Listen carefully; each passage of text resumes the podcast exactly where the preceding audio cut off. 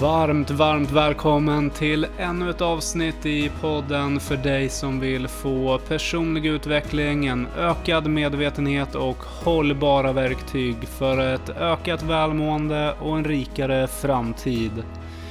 I dagens avsnitt så kommer vi lyfta ett ämne där flera personer säkert kan känna igen sig.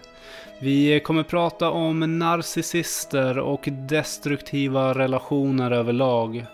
Och med oss för att gå igenom detta så har vi Martina som själv har varit med om dessa delar. Där hon också har blivit hyllad för sin bok Genomskåda narcissisten. Under den första halvan i avsnittet så kommer vi att få ta del av hennes egen berättelse och erfarenhet. För att i den andra delen gå in i mer detalj på vad som kännetecknar en narcissist och hur man kommer över ett destruktivt förhållande. Varmt, varmt välkommen till dagens avsnitt Martina Skowronska. Jättesvårt att uttala efternamnet. Men du gjorde det helt rätt. Ja, vad härligt. Skowronska. Ja. Snyggt. Och eh, jag tjuvlyssnade faktiskt lite på um, Lyckopodden här nyss som du var med i. Mm. Och då fick jag veta att det var från Polen. Ja, det stämmer. Ja. Härligt. Jag höll på att säga, uh, vad var det hon sa Ungern eller Ukraina? Uh, nej, hon sa, vad sa hon, Serbien? Sa inte hon det? Eller? No. Nej. Förlåt, nej. nej, nej, det sa hon inte. Okej. Okay. Ja, eh, Polen i alla fall. Nej, hon sa någonting på... Eh, nej, gud, jag minns faktiskt inte vad hon sa. Men det är, jag tror, sa inte hon någonting så här forna Jugoslavien? Något land? Ja, alltså jag, jag vill säga Ungern. Men vet du vad, det är inte helt fel. För att jag har min, eh, ska vi se, vad blir det nu, min morfar Nej, min farfar var halvungersk. Mm. Eller hade någon del ungerskt i sig. Ah, så okay. det, det, är inte helt fel ute. ja, men det är bra. Men är du, är du uppväxt i Polen? Ja. Ja, det är det. Ja. Mm. Och eh, när, när flyttade du till Sverige då? eh, när jag var nio. Nio år? Mm. Ja, men då har du bott här ett tag, för du pratar ju väldigt bra svenska tänker jag. Ja, men tack. Ja. men svenska har ju blivit mitt första språk kan man säga. Mm. Jag pratar ju mer svenska än vad jag pratar polska, så att mm. det blir ju så. Ja, just det. Ja, det är fint. Uh, jag tänker så här, uh, för de som inte vet vem, uh, vem du är, alltså vi, vi har ju skrivit med varandra under en tid nu och sedan dess har du varit med i olika kanaler, du har varit med i tv också uh, och fått berätta din uh, ja, historia och erfarenheter kring narcissism. Jag tänker så här, vi kan väl börja med vem, nu vet vi vad du heter, du är från Polen, men vad har vi mer? Eh, vi har eh, att jag är utbildad retoriker. Mm. Jag har pluggat retorik och har en magisterexamen i retorik. Eh, och då kom jag in på den här banan med just kommunikation. Jag älskar kommunicera och älskar olika kommunikativa uttryck. Och mitt har ju blivit språket. Eh, så att jag älskar att skriva. Alltså, alltså skriven, skri, skriftspråket är liksom, där är jag jäkel på att skriva. Mm. Jag älskar att skriva och gör det ganska mycket och ofta. Och också i min profession, jag jobbar som kommunikatör. Och där jobbar jag som eh, social media manager, så jag jobbar mycket med sociala medier. Mm. Eh, och skriver då eh, inläggstexter och skriver ja, för webb också ska, kan jag tillägga. Mm. Så det är det jag gör på dagtid när inte jag är med i poddar och på tv. ja, härligt. det är fantastiskt. Och eh, vi ska ju som sagt hoppa in på ditt eh, ämne här eh, om narcissism. Um, och eh, innan vi liksom hoppar in på vad som kännetecknar narcissism så tänker jag att jag, jag skulle jättegärna vilja höra din story om eh, du träffade en person som vi kallar Adam och eh, jag skulle vilja veta lite liksom hur, hur ni träffades och ja, men hur lång tid tog det innan du liksom upptäckte att Adam var en narcissist? Ja, ehm, jag och han, vi träffades eh, på Tinder. Eh, det var, så här, för min del så tyckte jag så här, wow vilken snygg kille. Men han hade ju ingen profilbeskrivning i sin profil. Han hade bara bilder, så jag visste inte så mycket om honom. Och sen så matchade vi eh, och fortsatte chatta med varandra. Det kändes jätte, jättebra. Men ganska så snart så eh, bokade vi in en träff och träffades och tog en promenad och det var jättemysigt att träffa honom. Och där kände jag att vi klickade jätte, jättebra med varandra. Han var ju så här verkligen supersnygg och superskärmig och bara jättegullig och allting var superbra med honom.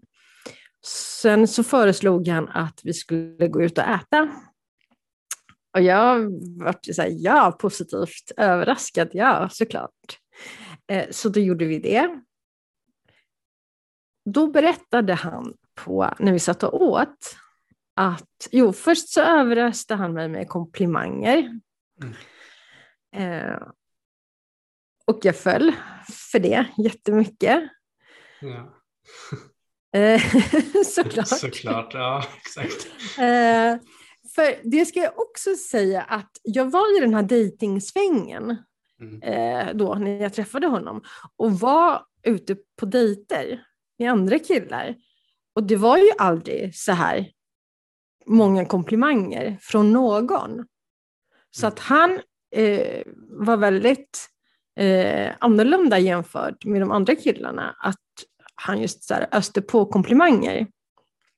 Eh, många är ju väldigt avvaktande och säger inte liksom alls så mycket, så man vet ju knappt så här, vad, hur kändes det och var det här bra, hur var den här dejten? Man, man förstår oftast inte.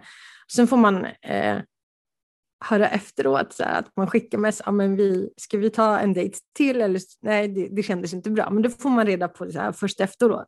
Mm. Men folk är väldigt eh, alltså, snåla med att ge komplimanger eh, mm. generellt. Ja. Men han var, han var verkligen så här, öste på massvis med komplimanger och jag blev så här, wow, det här var ju eh, det här var jätteroligt. Ja. Eh, så att jag följer liksom dit eh, på en gång. Mm. Men då berättade han på den här första dejten medan vi åt att han eh, jobbar i en annan stad också, förutom här i Stockholm. Men han reste generellt ganska mycket inom Sverige i jobbet, men att han även besökte den här specifika staden.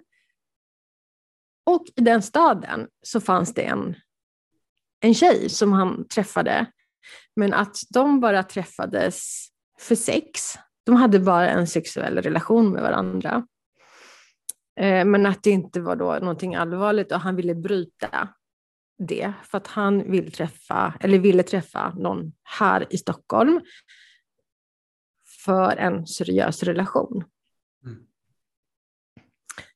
Eh, och jag tyckte att det var väldigt att han var väldigt öppen med det här, att han hade en, den typen av relation. Mm. Eh, men jag uppskattade ju när han sa det, för jag tänkte han var ju väldigt rak med mig. Och jag uppskattade rak, alltså jag uppskattar generellt raka människor. Eh, så att jag tyckte det var ju liksom mest positivt att han, att han sa sådär. Mm. Och sen skildes vi åt allting var så här, ja, men supermysigt och superhärligt. Och sen så fortsätter vi chatta med varandra efteråt. Men att få till den här andra dejten var ju supersvårt. Eh, han, eh, dels så sa han att han reste väldigt mycket. Eh, och tiden gick och gick och vi, vi chattade, vi fortsatte chatta. Men att det var verkligen jätte, jättesvårt att få till den här andra dejten. Och sen så var jag så här frustrerad, för jag tänkte så här, Gud, hur lång tid ska det här ta? Eh, för det kändes ändå så här superbra med honom.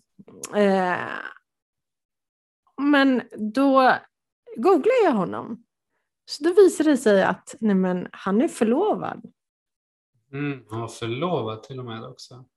Han var förlovad med den här kvinnan som mm. han påstod sig ha enbart en sexrelation med. Mm.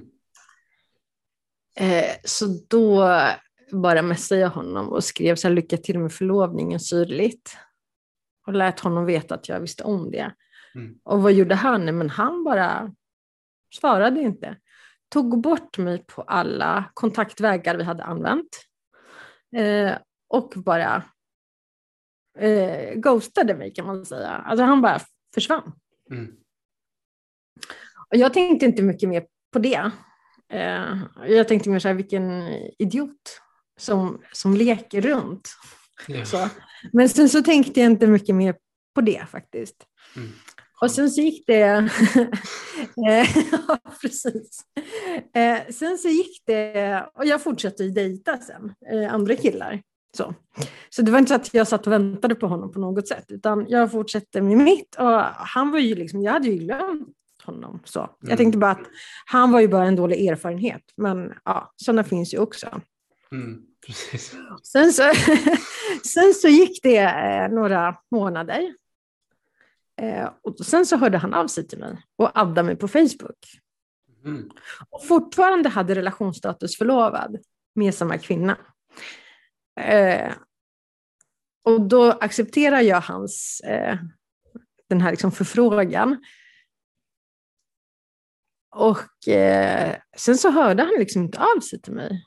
Han var tyst. Sen gick det några veckor. Sen märker jag att han har ändrat relationsstatus. Det är han inte förlovad längre. Eh, då har han tagit bort det. Och sen så gick det väl, jag vet inte, några dagar, några veckor. Och sen hör han av sig till mig. Sen påbörjar vi träffas igen. Mm. Eh, han ville egentligen inte alls förklara sig.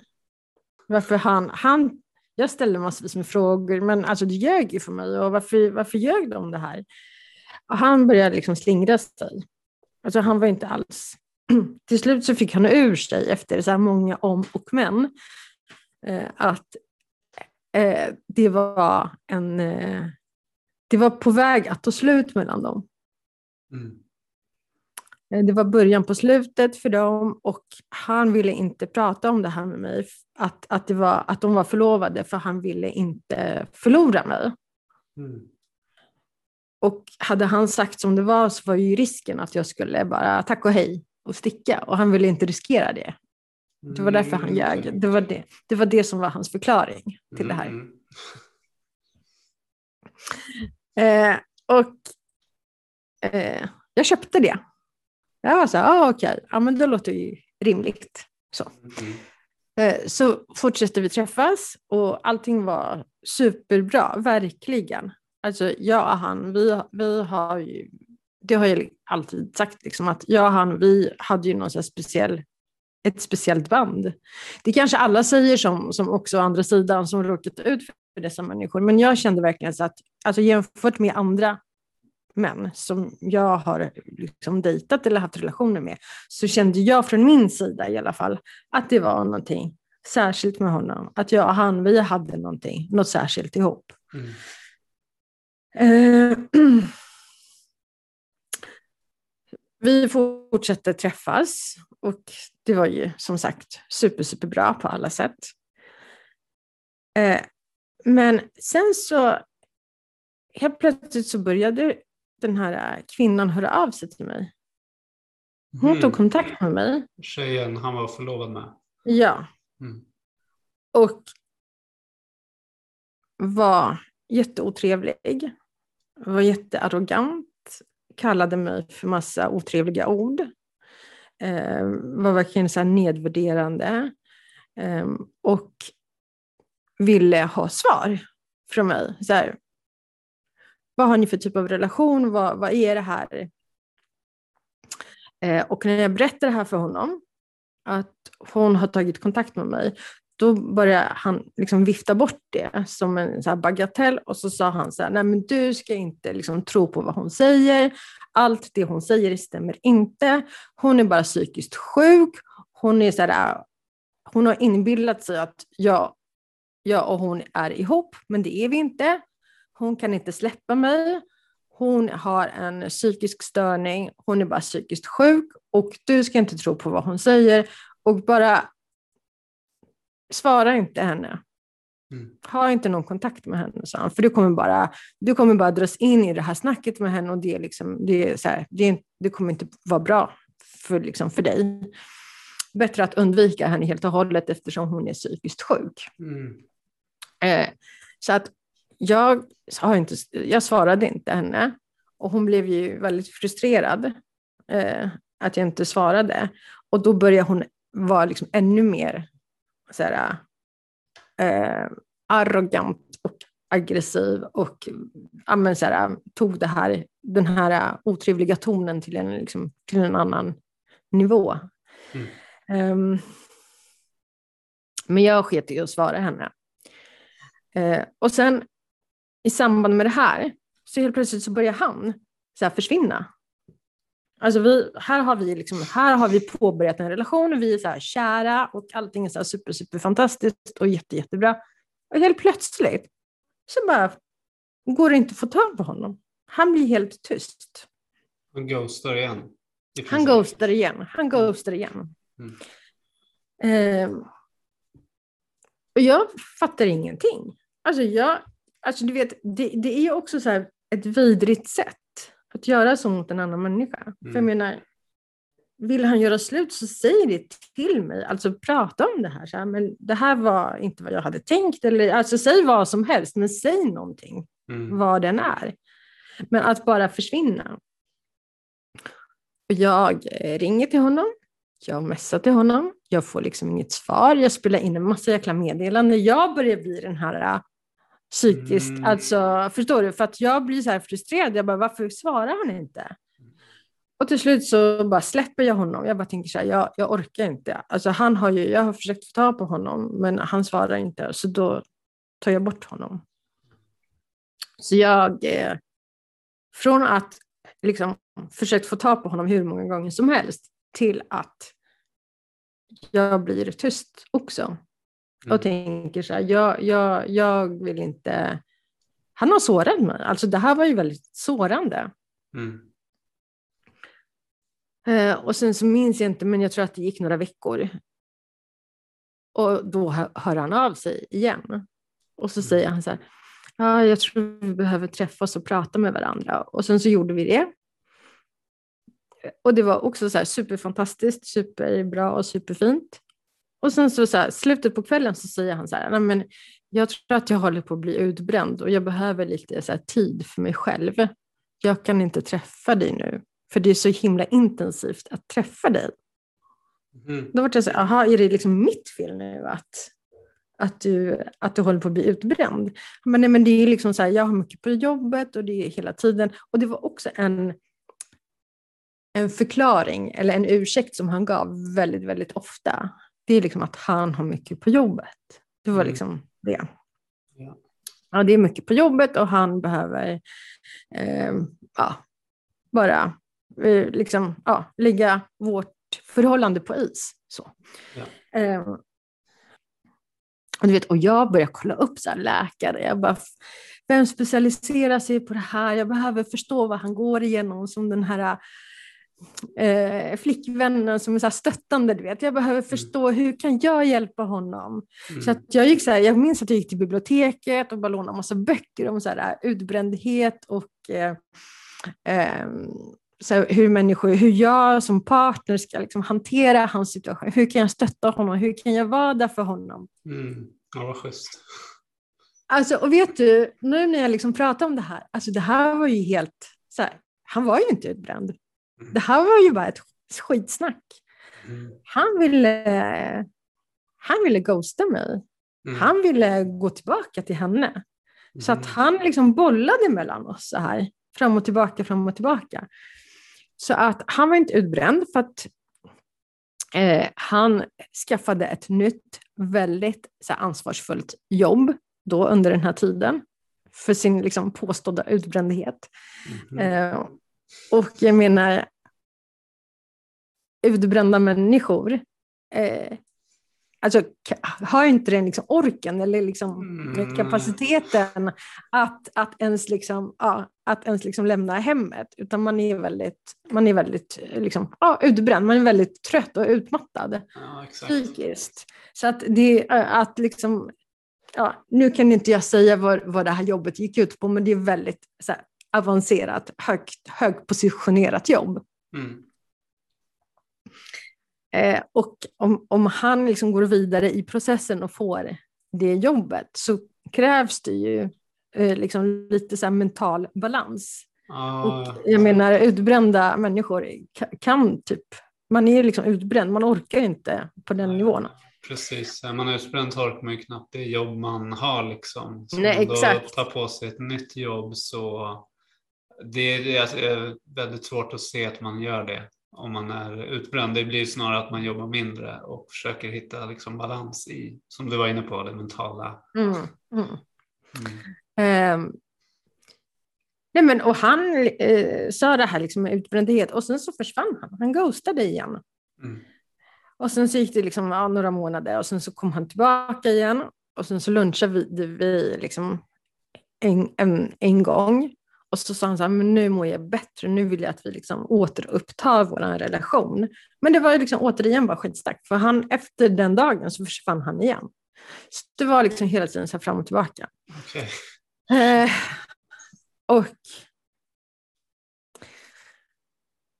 och jag kan säga så här, den här relationen pågick då i tre och ett halvt år, men det var väldigt, eh, från början så var det väldigt mycket så här on-off, on-off, Mm. Men det var sista sju, åtta månaderna som det bara var på i Mm. den här relationen. All right.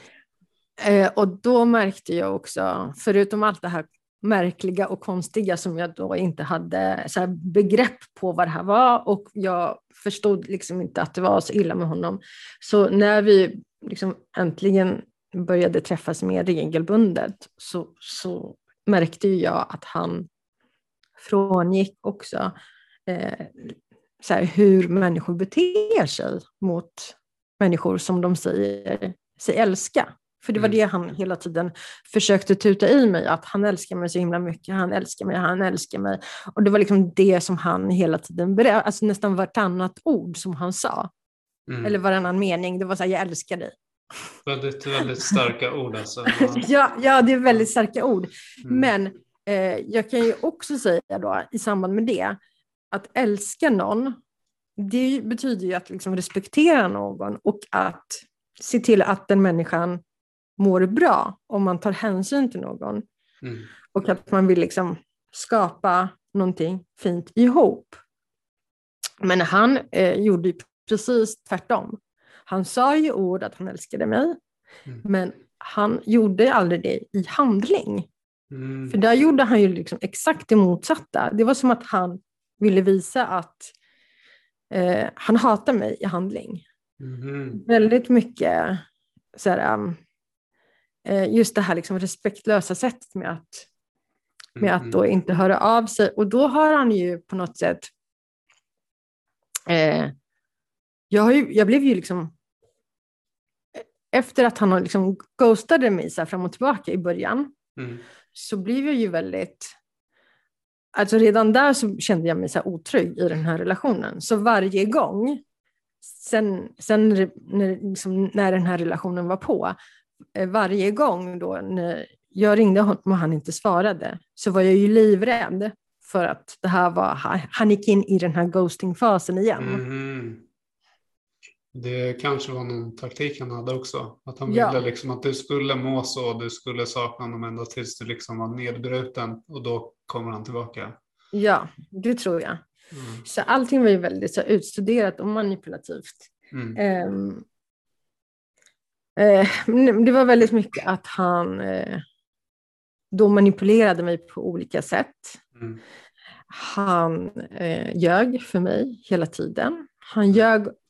Den här kvinnan då, hon, han hade en relation med henne hela tiden parallellt.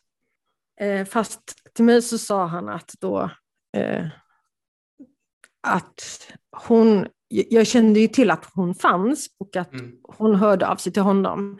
Men han körde liksom samma, han berättade ju det här liksom att men hon, hon är ju psykiskt sjuk. Mm. Det är klart att hon hör av sig till mig. Så han, Mm. han vidhöll vid samma story Mm. och- och körde på eh, det som han redan liksom var inne på förut. Ehm, eh, nej, men då sa han så här, men jag kan inte bara, så här, jag måste här, hantera henne lite så varsamt för att hon, eh, hon är så här, självmordsbenägen. För hennes mamma hade tydligen begått självmord och han var så här, eh, livrädd att hon också skulle begå självmord på grund av att han gjorde slut så med henne, att han liksom bröt med henne helt. Så han var tvungen så att fossa ut henne successivt för att eh, inte ha det på sitt samvete om något sånt skulle hända. Ni vet, och jag bara köpte, jag så köpte hela rubbet, jag köpte liksom allting och trodde på honom. Jag ville ju tro på honom. Mm. Jag ville ju tro på hans ord, jag ville ju liksom tro på vår relation, jag ville ju liksom tro på att han älskade mig. Eh, men det var ju inte så överhuvudtaget. Mhm. Eh. Ännu en lögn alltså. Ja, ja men för narcissister kan inte älska. Mm. De har inte den genen, eller de har inte det liksom i hjärnan, att de kan älska en annan människa. De kan ju uppskatta funktionen av andra människor, men de kan aldrig liksom, alltså, älska på samma sätt som sunda människor. Det finns inte. För hade han älskat mig alltså, på riktigt, som han sa att han gjorde, då hade han ju aldrig drivit det, det så här långt. Han hade ju sett till att jag mår bra i relationen. Och jag var ju väldigt tydlig med honom. Jag sa till honom, du behöver göra det här för att, för att liksom vi ska ha en chans med varandra, för att jag ska må bra. Du behöver liksom göra de här sakerna. Typ göra slut med henne. Alltså är inte det ganska självklara saker? Ja, det är ganska obvious. Ja. Men är det, om man hoppar in liksom på de delarna som kännetecknar, det är ju en del som du är inne på där med just den här empatilösheten. Att eh, alltså, en normal människa känner ju empati, den känner ju av vad som är rätt och fel. Hur man behandlar en annan människa. Man vet när man har sårat någon och då ber man om, ber man om ursäkt och man försöker liksom gottgöra det, hitta balans och så vidare. Men eh, hos en narcissist så är det väl då att man snarare, alltså man förstår inte de här delarna eh, överhuvudtaget känns det som. Nej, och det är precis. Och han förstår ju aldrig att felet, att han är den som, som, som har skapat problemet och som är orsaken till det här problemet. Utan vad han hela tiden ser, det är att människor blir förbannade på honom. Mm. Men det är klart de blir förbannade, för att det är ju han själv som har drivit dem. Mm. Så att han ser det här som så två isolerade, alltså som isolerade händelser. Att folk är förbannade på honom. Men folk går ju inte och bara bli förbannade bara för att. Utan det måste ju bero på någonting som han har gjort. Mm. Men han förstår ju inte det här. Han, han, han, liksom, han kan inte koppla de här två sakerna. Mm. Intressant. Hur det, ja, det, det är intressant av den aspekten hur hjärnan kan funka. Liksom. Det är som att då informationen går in men inte mer än så. Mm, precis. Kopplingen liksom finns inte riktigt. Nej, exakt. exakt. Mm. Mm. Vad finns det mer då som liksom kännetecknar narcissism mer än alltså den här empatilösheten? Det finns ju säkert en rad saker där. Ja, det finns ju en, precis. En, eh, det som vi lite var inne på, att, att de inte kan be om eh, ursäkt för, för, liksom för sina fel, utan de snarare anklagar andra. Just för att eh, någon har liksom övergett dem. Ja, men det är klart folk överger och folk blir förbannade för att du beter dig som en skitstövel. Och du ber inte om ursäkt för det du har gjort. Eh, det är klart folk blir förbannade och drar. Så det är så här, typiska grejer, så här, att de bränner sina broar, de bränner kontakter med människor. De har väldigt få nära vänner. Mm. Eh, dåliga relationer generellt. Mm, mm. Men där känner jag igen av en, av en tidigare chef jag haft vid ett tillfälle som eh, ja, men aldrig bad om ursäkt utan alltid hittade att det var någon annans fel och var väldigt, just det här med relationer så var det mer att relationen var jättebra så länge den här personen fick ut någonting av den andra men annars var det bye bye. Mm. Eh, och det var verkligen, så har det varit eh, sedan dess vad jag vet med den här personen. Och det är knepigt. Man försöker förklara för personen vad det beror på men personen kan inte koppla det. Nej, exakt. Alltså jag, vet, jag hade ju så här, jag minns de här samtalen med, med Adam. Alltså jag, kunde, jag kunde sitta i timmar och försöka förklara för honom, så här, så här känner jag, det, här, det du har gjort har påverkat mig på det här sättet. Jag mår inte bra av det du gör. Du behöver liksom göra, för att jag ska liksom må bra, så behöver du liksom avsluta det här, du behöver göra de här sakerna. Eh, och försöka liksom på olika sätt prata med honom och lägga fram så här, med metaforer, med icke-metaforer, abstrakt, konkret, alltså alla sätt jag kunde bara komma på, du vet. Mm. Det var ingenting. Så här, mm. oavsett vilket grepp jag än liksom tog och hur jag än försökte uttrycka mig, ingenting liksom nådde fram till honom. Han gjorde ändå alltid så här, alltid skyllde ifrån sig och eh, la skulden på någon annan. Att det var liksom mitt fel, att jag inte ville ha, att det var jag som inte ville ha relationen. Men så var det inte. Mm. Jag ville, ja, till slut så ville jag inte ha relationen, just bara för att han eh, sårade mig. Och för att han betedde sig som en skitstövel. Mm. Så till slut så satte jag liksom ner foten och fick nog. Men hade han betett sig bra och varit eh, liksom förstående och jag ser liksom att han eh, jobbar på sig själv, han jobbar på att eh, hantera olika problem som vi har mellan oss.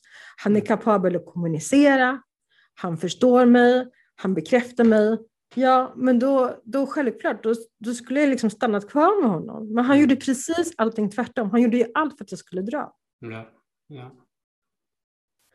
Och det här också så att de har väldigt så här, lite, lite det vi var inne på, att eh, eh, de ser väldigt så svartvitt. De ser liksom inga nyanser. Mm. Är du inte med dem så är du emot dem. Och de förstår liksom inte anledningen till varför det blir så. Mm. Eh, och eh, de respekterar ju inte andras gränser. Du, mm. du talar om för, för honom så här, det här, eh, här liksom, så här, stopp, nu, mm. nu räcker det. Men han, han eh, förstår inte det, utan han testar vidare. Och sen så blir han förbannad på mig för att jag säger liksom tack och hej. Mm. Så han pushar till gränsen tills, du, tills man liksom blir förbannad och verkligen säger ifrån och då direkt hugger att det är ditt fel att du blir arg. Ja, ja, ja. Mm. Väldigt så, manipulativt. Väldigt manipulativt. Och sen också så här att det här liksom dåliga beteendet, det kommer ju väldigt successivt. Mm. Det är liksom små så gränsförskjutningar som sker hela, hela tiden. Så till slut så fattar man liksom inte själv. Eh, för det är jättemånga som frågar så här, men varför stannar du kvar i en så dålig relation? Mm, mm, men mm. grejen var så här, jag fattade liksom inte att det var så himla dåligt. Först, det har gått flera år och man fattar liksom så här, gud, kan liksom göra någon slags bokslut över hela relationen och då förstår man så här, men alltså det här var inte så som det var från början. Jag har liksom inte signat upp mig på, på det här, hur det, liksom, på den här utvecklingen. Mm. Och liksom med resans gång så fattar man inte att de här liksom gränsförskjutningarna sker. Nej, jag tänker att den måste vara väldigt svår för en annan sak som är väldigt kännetecknat en narcissism är väl att de också vill stå i, i centrum, det här med uppmärksamhet och också inne på det här med överdriven arrogans, alltså man ser sig själv som en superhjälte i princip. Man målar upp en väldigt stark bild och det gör man kanske inte bara av sig själv utan man kanske även målar upp eh, relationen som det mest fantastiska. Alltså man överdriver väldigt mycket och sen så i ord och sen i handling så ghostar man. Ja. Det måste vara skitsvårt att ta på det, att känna av det i ja. relationen. Ja, precis. Nej, men han, han liksom lyfte sig på olika sätt och det var hela tiden just att och också, han spelade samtidigt som liksom han vill berätta att han, han har liksom ett, det här liksom stora egot och det, han har den här jättebra liksom positionen på jobbet och eh, det är många som ser upp till honom, många ger honom så bra feedback, bla bla. Men samtidigt så, har han, så sätter han på sin offerroll. För han säger så här, ah, den här jäkla idioten på jobbet, eh, han gjorde si eller så mot mig, eller han betedde sig på det här sättet. Och det är alltid liksom att, alltid oavsett vilken relation den är, så är det liksom, felet ligger hos någon mm. annan. Så hela världen konspirerar sig mot narcissisten, och narcissisten är alltid felfri. Fantastiskt. ja, det är galet alltså. Så de har liksom noll insikt. Det, är mm. liksom, det finns ingen, de har ingen självinsikt. Nej. Ja, det är, och det är som vi var inne på också innan, så här, oavsett hur man liksom försöker förklara för en narcissist hur ja, men att felet kan ligga i den personen. Att oavsett om du använder ljud, bild, text, olika sinnen, alltså det, det går liksom inte riktigt fram. Det, där tänker jag också så att, tror, jag vet inte om det var ett tv med dig jag hörde eller om det var något annat klipp jag såg här, det här med att en narcissist eh, söker väldigt sällan hjälp för den förstår ju inte att mm. problemet ligger hos sig. Eh, precis. Och det är det, ja, och det, och det är det som också är väldigt problematiskt i, när det gäller just det här med att uppsöka professionell hjälp hos en psykolog. Mm. Det bygger ju på att, att en människa har den insikten när man liksom kan gå liksom, eh, inåt och, och förstå att jag behöver hjälp för det här. Antingen att man är eh, har liksom varit med om, om något, liksom ett trauma som man behöver liksom hantera. Mm. Eller att man typ också eh, är väldigt destruktiv och mm. att man behöver hantera det. Men en narcissist förstår ju inte det här. Mm. Eh, så att den personen uppsöker ju aldrig en psykolog. Eh, och gör de det så handlar det oftast om eh, att psykologen har fel. Ja, psykolog, exakt så. Psykologen har fel. Och de blir liksom så här, eh, de, blir ju, de får ju påtryckningar av sin partner att gå i parterapi. Mm. Så det är liksom partners initiativ att, att dra med dem till psykologen. Men sen i den här psykologstolen så manipulerar ju narcissisten psykologen. Mm. Mm. Och inte sällan så ställer sig psykologen på narcissistens sida. Mm. För att de är så sjukt övertygande. Mm. Ja. Och, och offret dubbelbestraffas. Mm. Där är ju också någonting som det var Anders Hansen som tog upp det för det finns så många likheter med psykopater och narcissismer också. Och psykopater är ju sådana personer som är, de på något sätt, nu vet jag inte vart jag läste det, det var inte Anders Hansen som sa det här, men att de, får, de njuter av att ha en utmaning och bryta ner människor. Det är liksom deras, det är som en tävling hos en psykopat och en narcissist kanske inte förstår att det är en tävling de håller på med, de förstår inte beteendet alls. Det är liksom där gränsen går, mm. tänker jag. Uh, det är ju Ja, det, det som slår mig väldigt mycket är ju att hur svårt det är med just att man kan prata mycket om fysisk misshandel. Det är väldigt mycket enklare att ta på om man ser att någon blir fysiskt misshandlad. Men psykisk misshandel, det kan ju pågå under en vecka eller flera år och det är väldigt svårt att eh, bevisa det. Eh, det är ord mot ord och en narcissism eller en psykopat är ju extremt duktiga på att inte ha några fel. De ser inte sina fel mm, och även mm. lägga fel hos andra. Så det måste vara jättesvårt det där. Ja, det, och det är helt nästan omöjligt. Och det i det läget eh, så tror jag att det som är jättebra att göra då, det är att faktiskt spela in. Mm. Spela in samtalen. Och utan att ens säga det till, till personen, till, mm. till narcissisten. Men att man spelar in det här sjuka som pågår. Yes. Man spelar in den här för att de, de pratar på ett jättemärkligt sätt. Mm. Det är som att du, det är som nu, du ställer en fråga och jag liksom försöker besvara den frågan så gott jag kan. Men alltså, skulle jag vara en narcissist så skulle jag liksom så slingra mig mm. eh, och eh, inte komma till saken. Alltså mm. prata bort, alltså så här, snacka bort eh, grejen och börja prata om någonting annat. Så här, byta ämnen är de väldigt duktiga på. Yep. Så att, ja. Så det är väldigt svårt att få, alltså så här, föra en dialog med en narcissist. Ja, verkligen. Väldigt, väldigt, väldigt svårt. Men, och, eh, vi, och, och, blir de så här, om jag vill ha ett besked så, så kommer de göra allt för att inte ge mig ett rakt svar känner igen det så väl ifrån eh, bekanta och bekantas bekanta. Eh, och jätte, det där som att spela in, det, det var någonting jag tog upp med en, en vän till mig också, som, för vi pratade om just en eh, meddrag mot psykopat.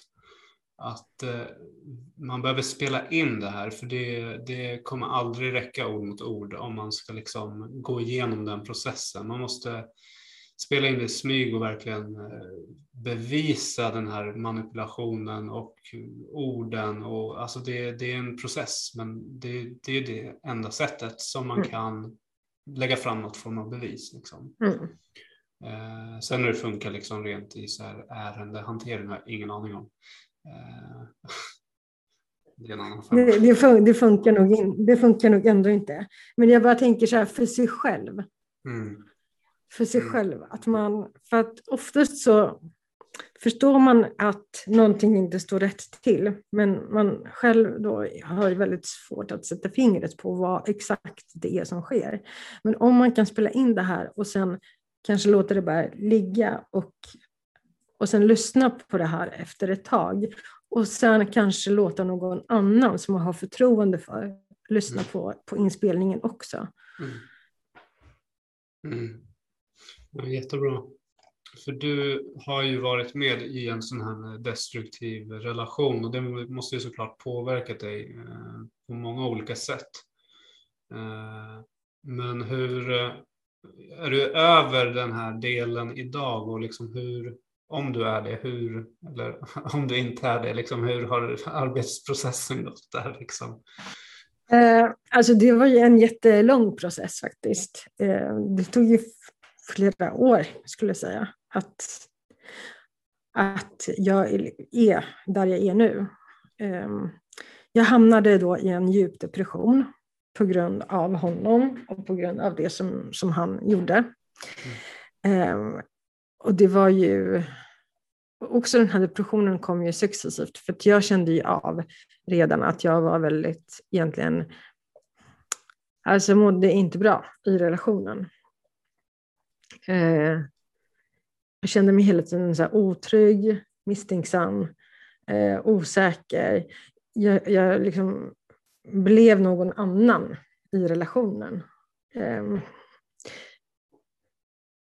och sen då när jag, för jag tog initiativet till, till det här att jag inte mer skulle höra av mig till honom. För jag, eh, han gjorde ju vissa saker där. För allting, vet, det, det byggs ju på så, liksom, det blir som ett liksom, berg av, av grejer.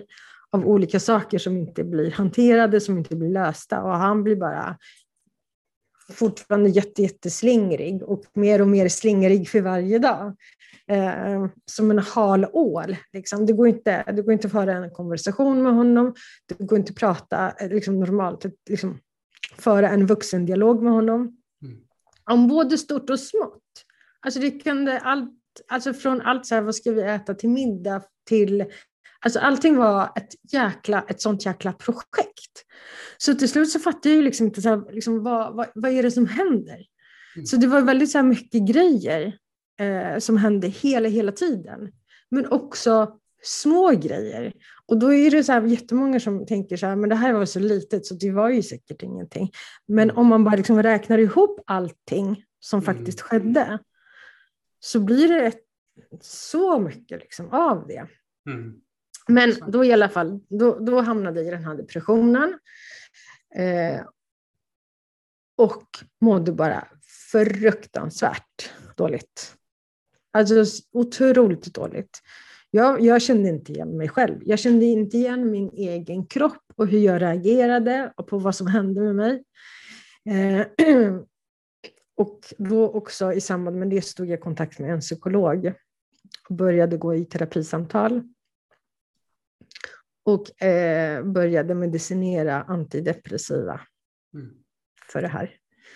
Och det var de, eh, alltså allt det här eh, tillsammans så var det ju det som gjorde att jag blev, eh, liksom började må bättre och bättre och bättre. Ehm, men, och nu så har det gått några år sedan relationen tog slut. Och mm. nu så mår jag ju bra, men det finns ju vissa saker i mig som hänger kvar mm. från den relationen. Som exempelvis, jag känner mig väldigt skeptisk till nya människor. Mm.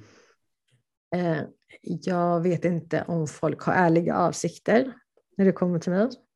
Mm. Jag har svårt att lita på folk.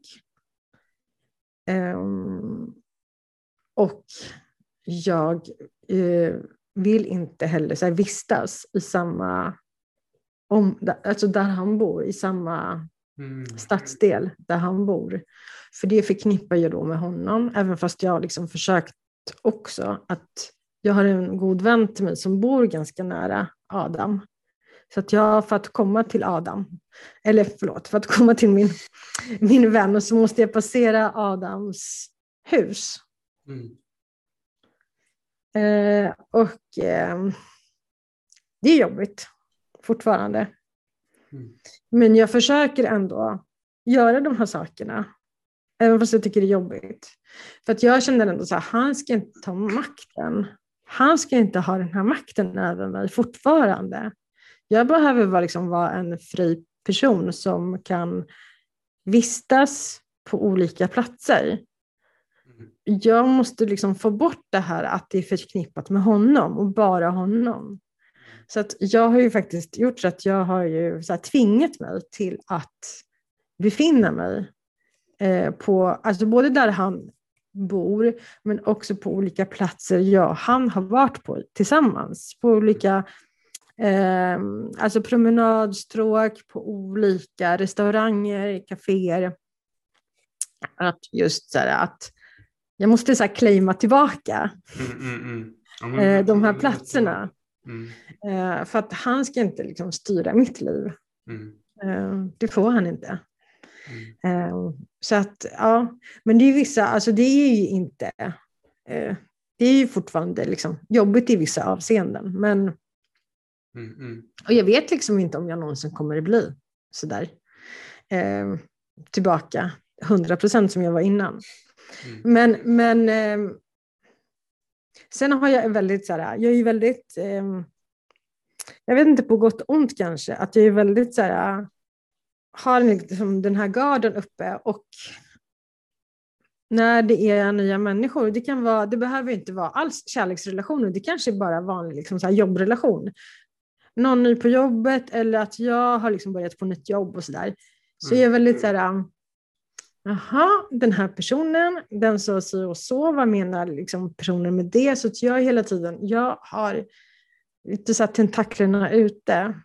Eh, och när jag märker så tendenser till just så här, oh men gud, det här, det här skulle faktiskt kunna vara på grund av hur den här personen uttrycker sig eller vad den personen gör.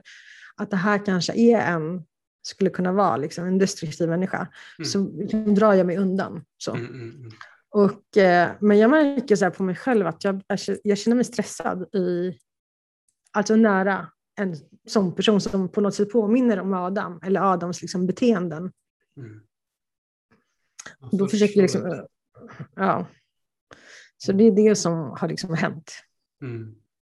Ja, men jag tycker ändå som, som du är inne på att du ändå liksom claimar de här ställena igen, att du vistas i samma miljöer igen och att du, om du utmanar ändå att komma tillbaka och det är väl det som är absolut viktigast, att inte liksom fastna i den här depressionen och fortsätta snurra tankarna om att låta det här påverka hela ditt liv för resten av ditt liv.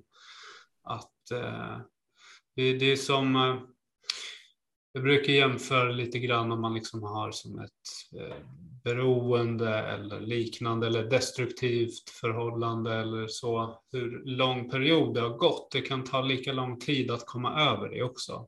Det kan ta längre tid, det kan ta kortare tid för vissa, men man måste, som du gör, liksom, utmana, fortsätta framåt. Liksom.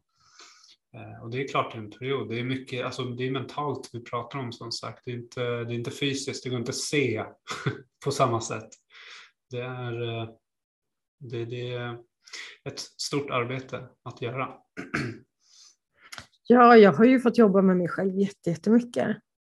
Mm. Och läst olika ja, men, böcker och verkligen så här försökt skapa så, liksom, så bra förutsättningar för att jag ska komma tillbaka till, för att jag vill också så här, hur jag uttrycker mig. För jag, alltså man brukar säga så här, att man, man är ett offer för någon eh, av, som, liksom, som har då utövat eh, våld mot någon, att man ser sig själv som offer. Men mm. jag vill liksom inte längre se mig Alltså jag var ju ett offer då, men jag vill inte se mig som ett offer nu.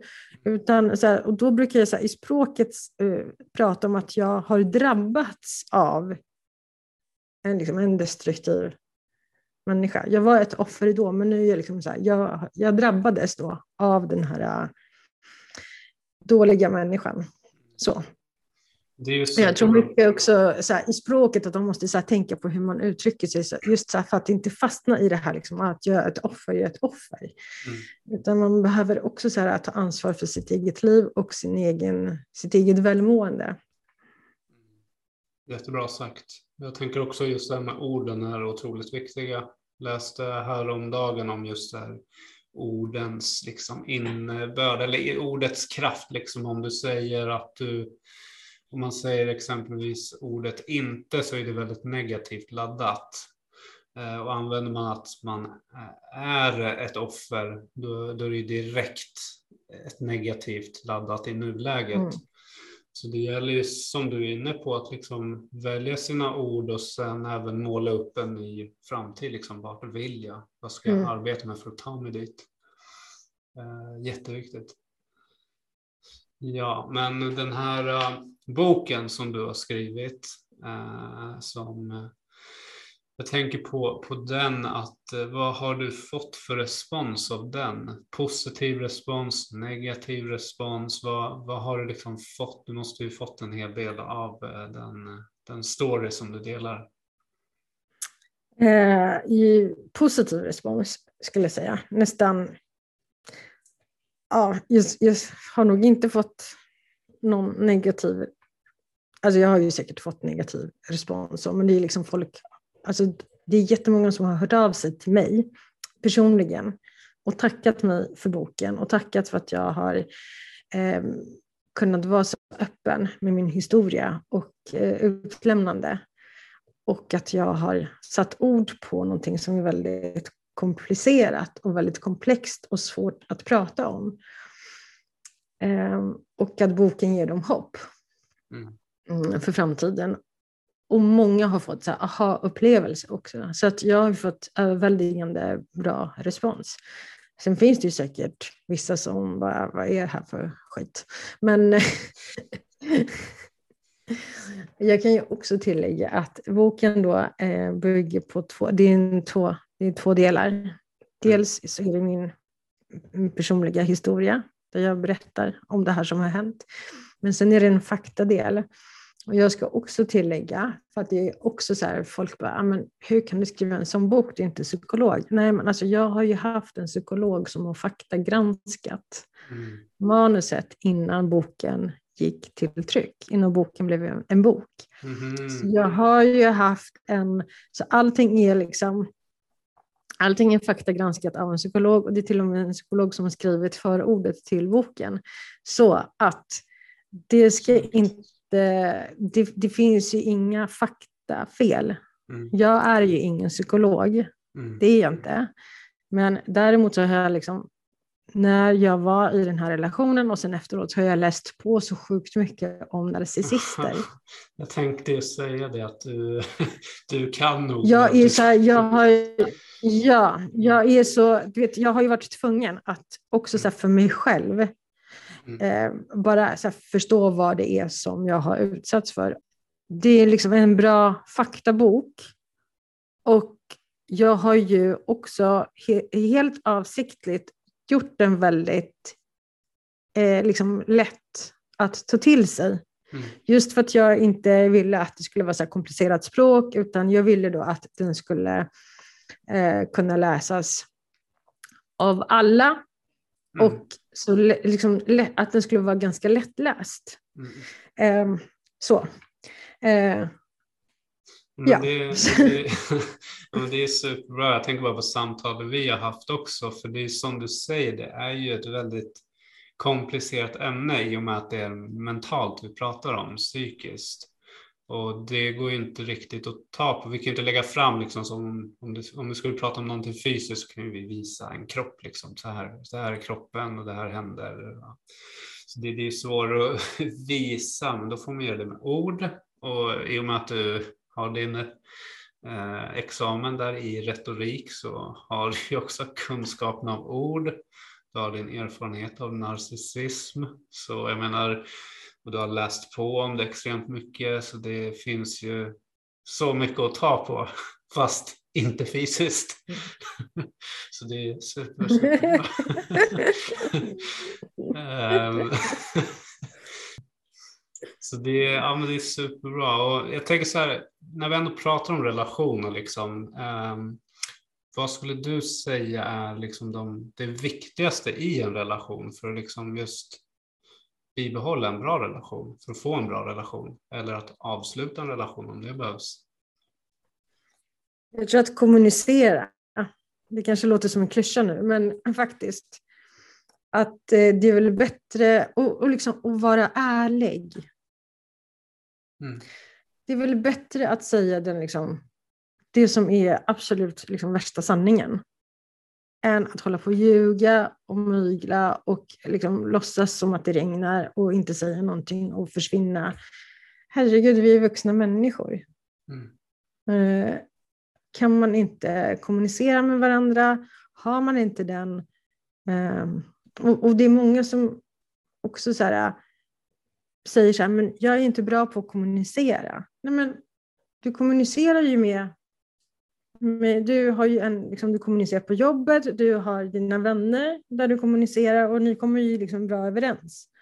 Eh, så att eh, och bara skylla på att nej, men jag kan inte kommunicera. Nej, men, eh, alla kan kommunicera. Mm. Och jag tror det krävs inte mycket. Man behöver bara vara liksom, ärlig. Så mm. lär sig, sig liksom allt. Eh, så jag tror liksom ärlighet och, eh, och, och prata, precis som det är. Ja, sanningen. Det är det som gäller alltså.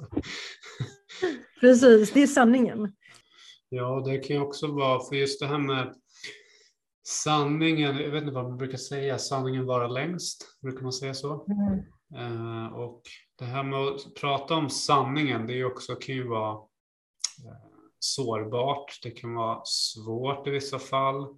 Eh, I och med att man kanske kan förlora något, man kanske är osäker om man vill ha någonting. Det är så mycket känslor liksom. Men det är precis som du säger, sanningen, prata om det, kommunicera. Få fram det som, som känns. Liksom. Eh, och för de som vill komma i kontakt med dig och veta mer och eh, kanske få tag i boken, vart kan man vända sig då?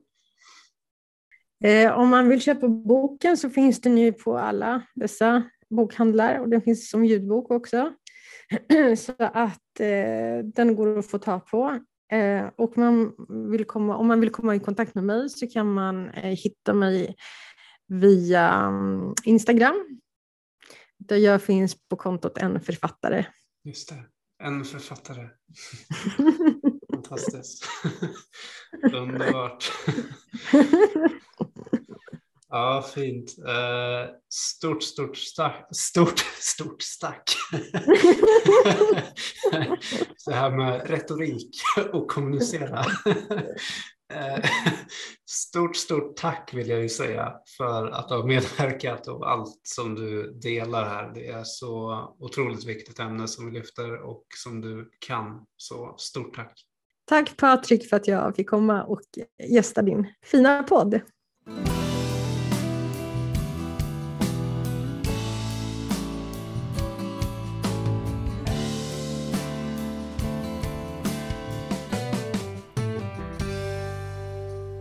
Jag vill eh, tacka dig för att du har lyssnat och deltagit i detta avsnitt. Och eh, om du gillade avsnittet så glöm inte att eh, följa, gilla och dela podcasten för att också bidra med att göra den synlig för andra.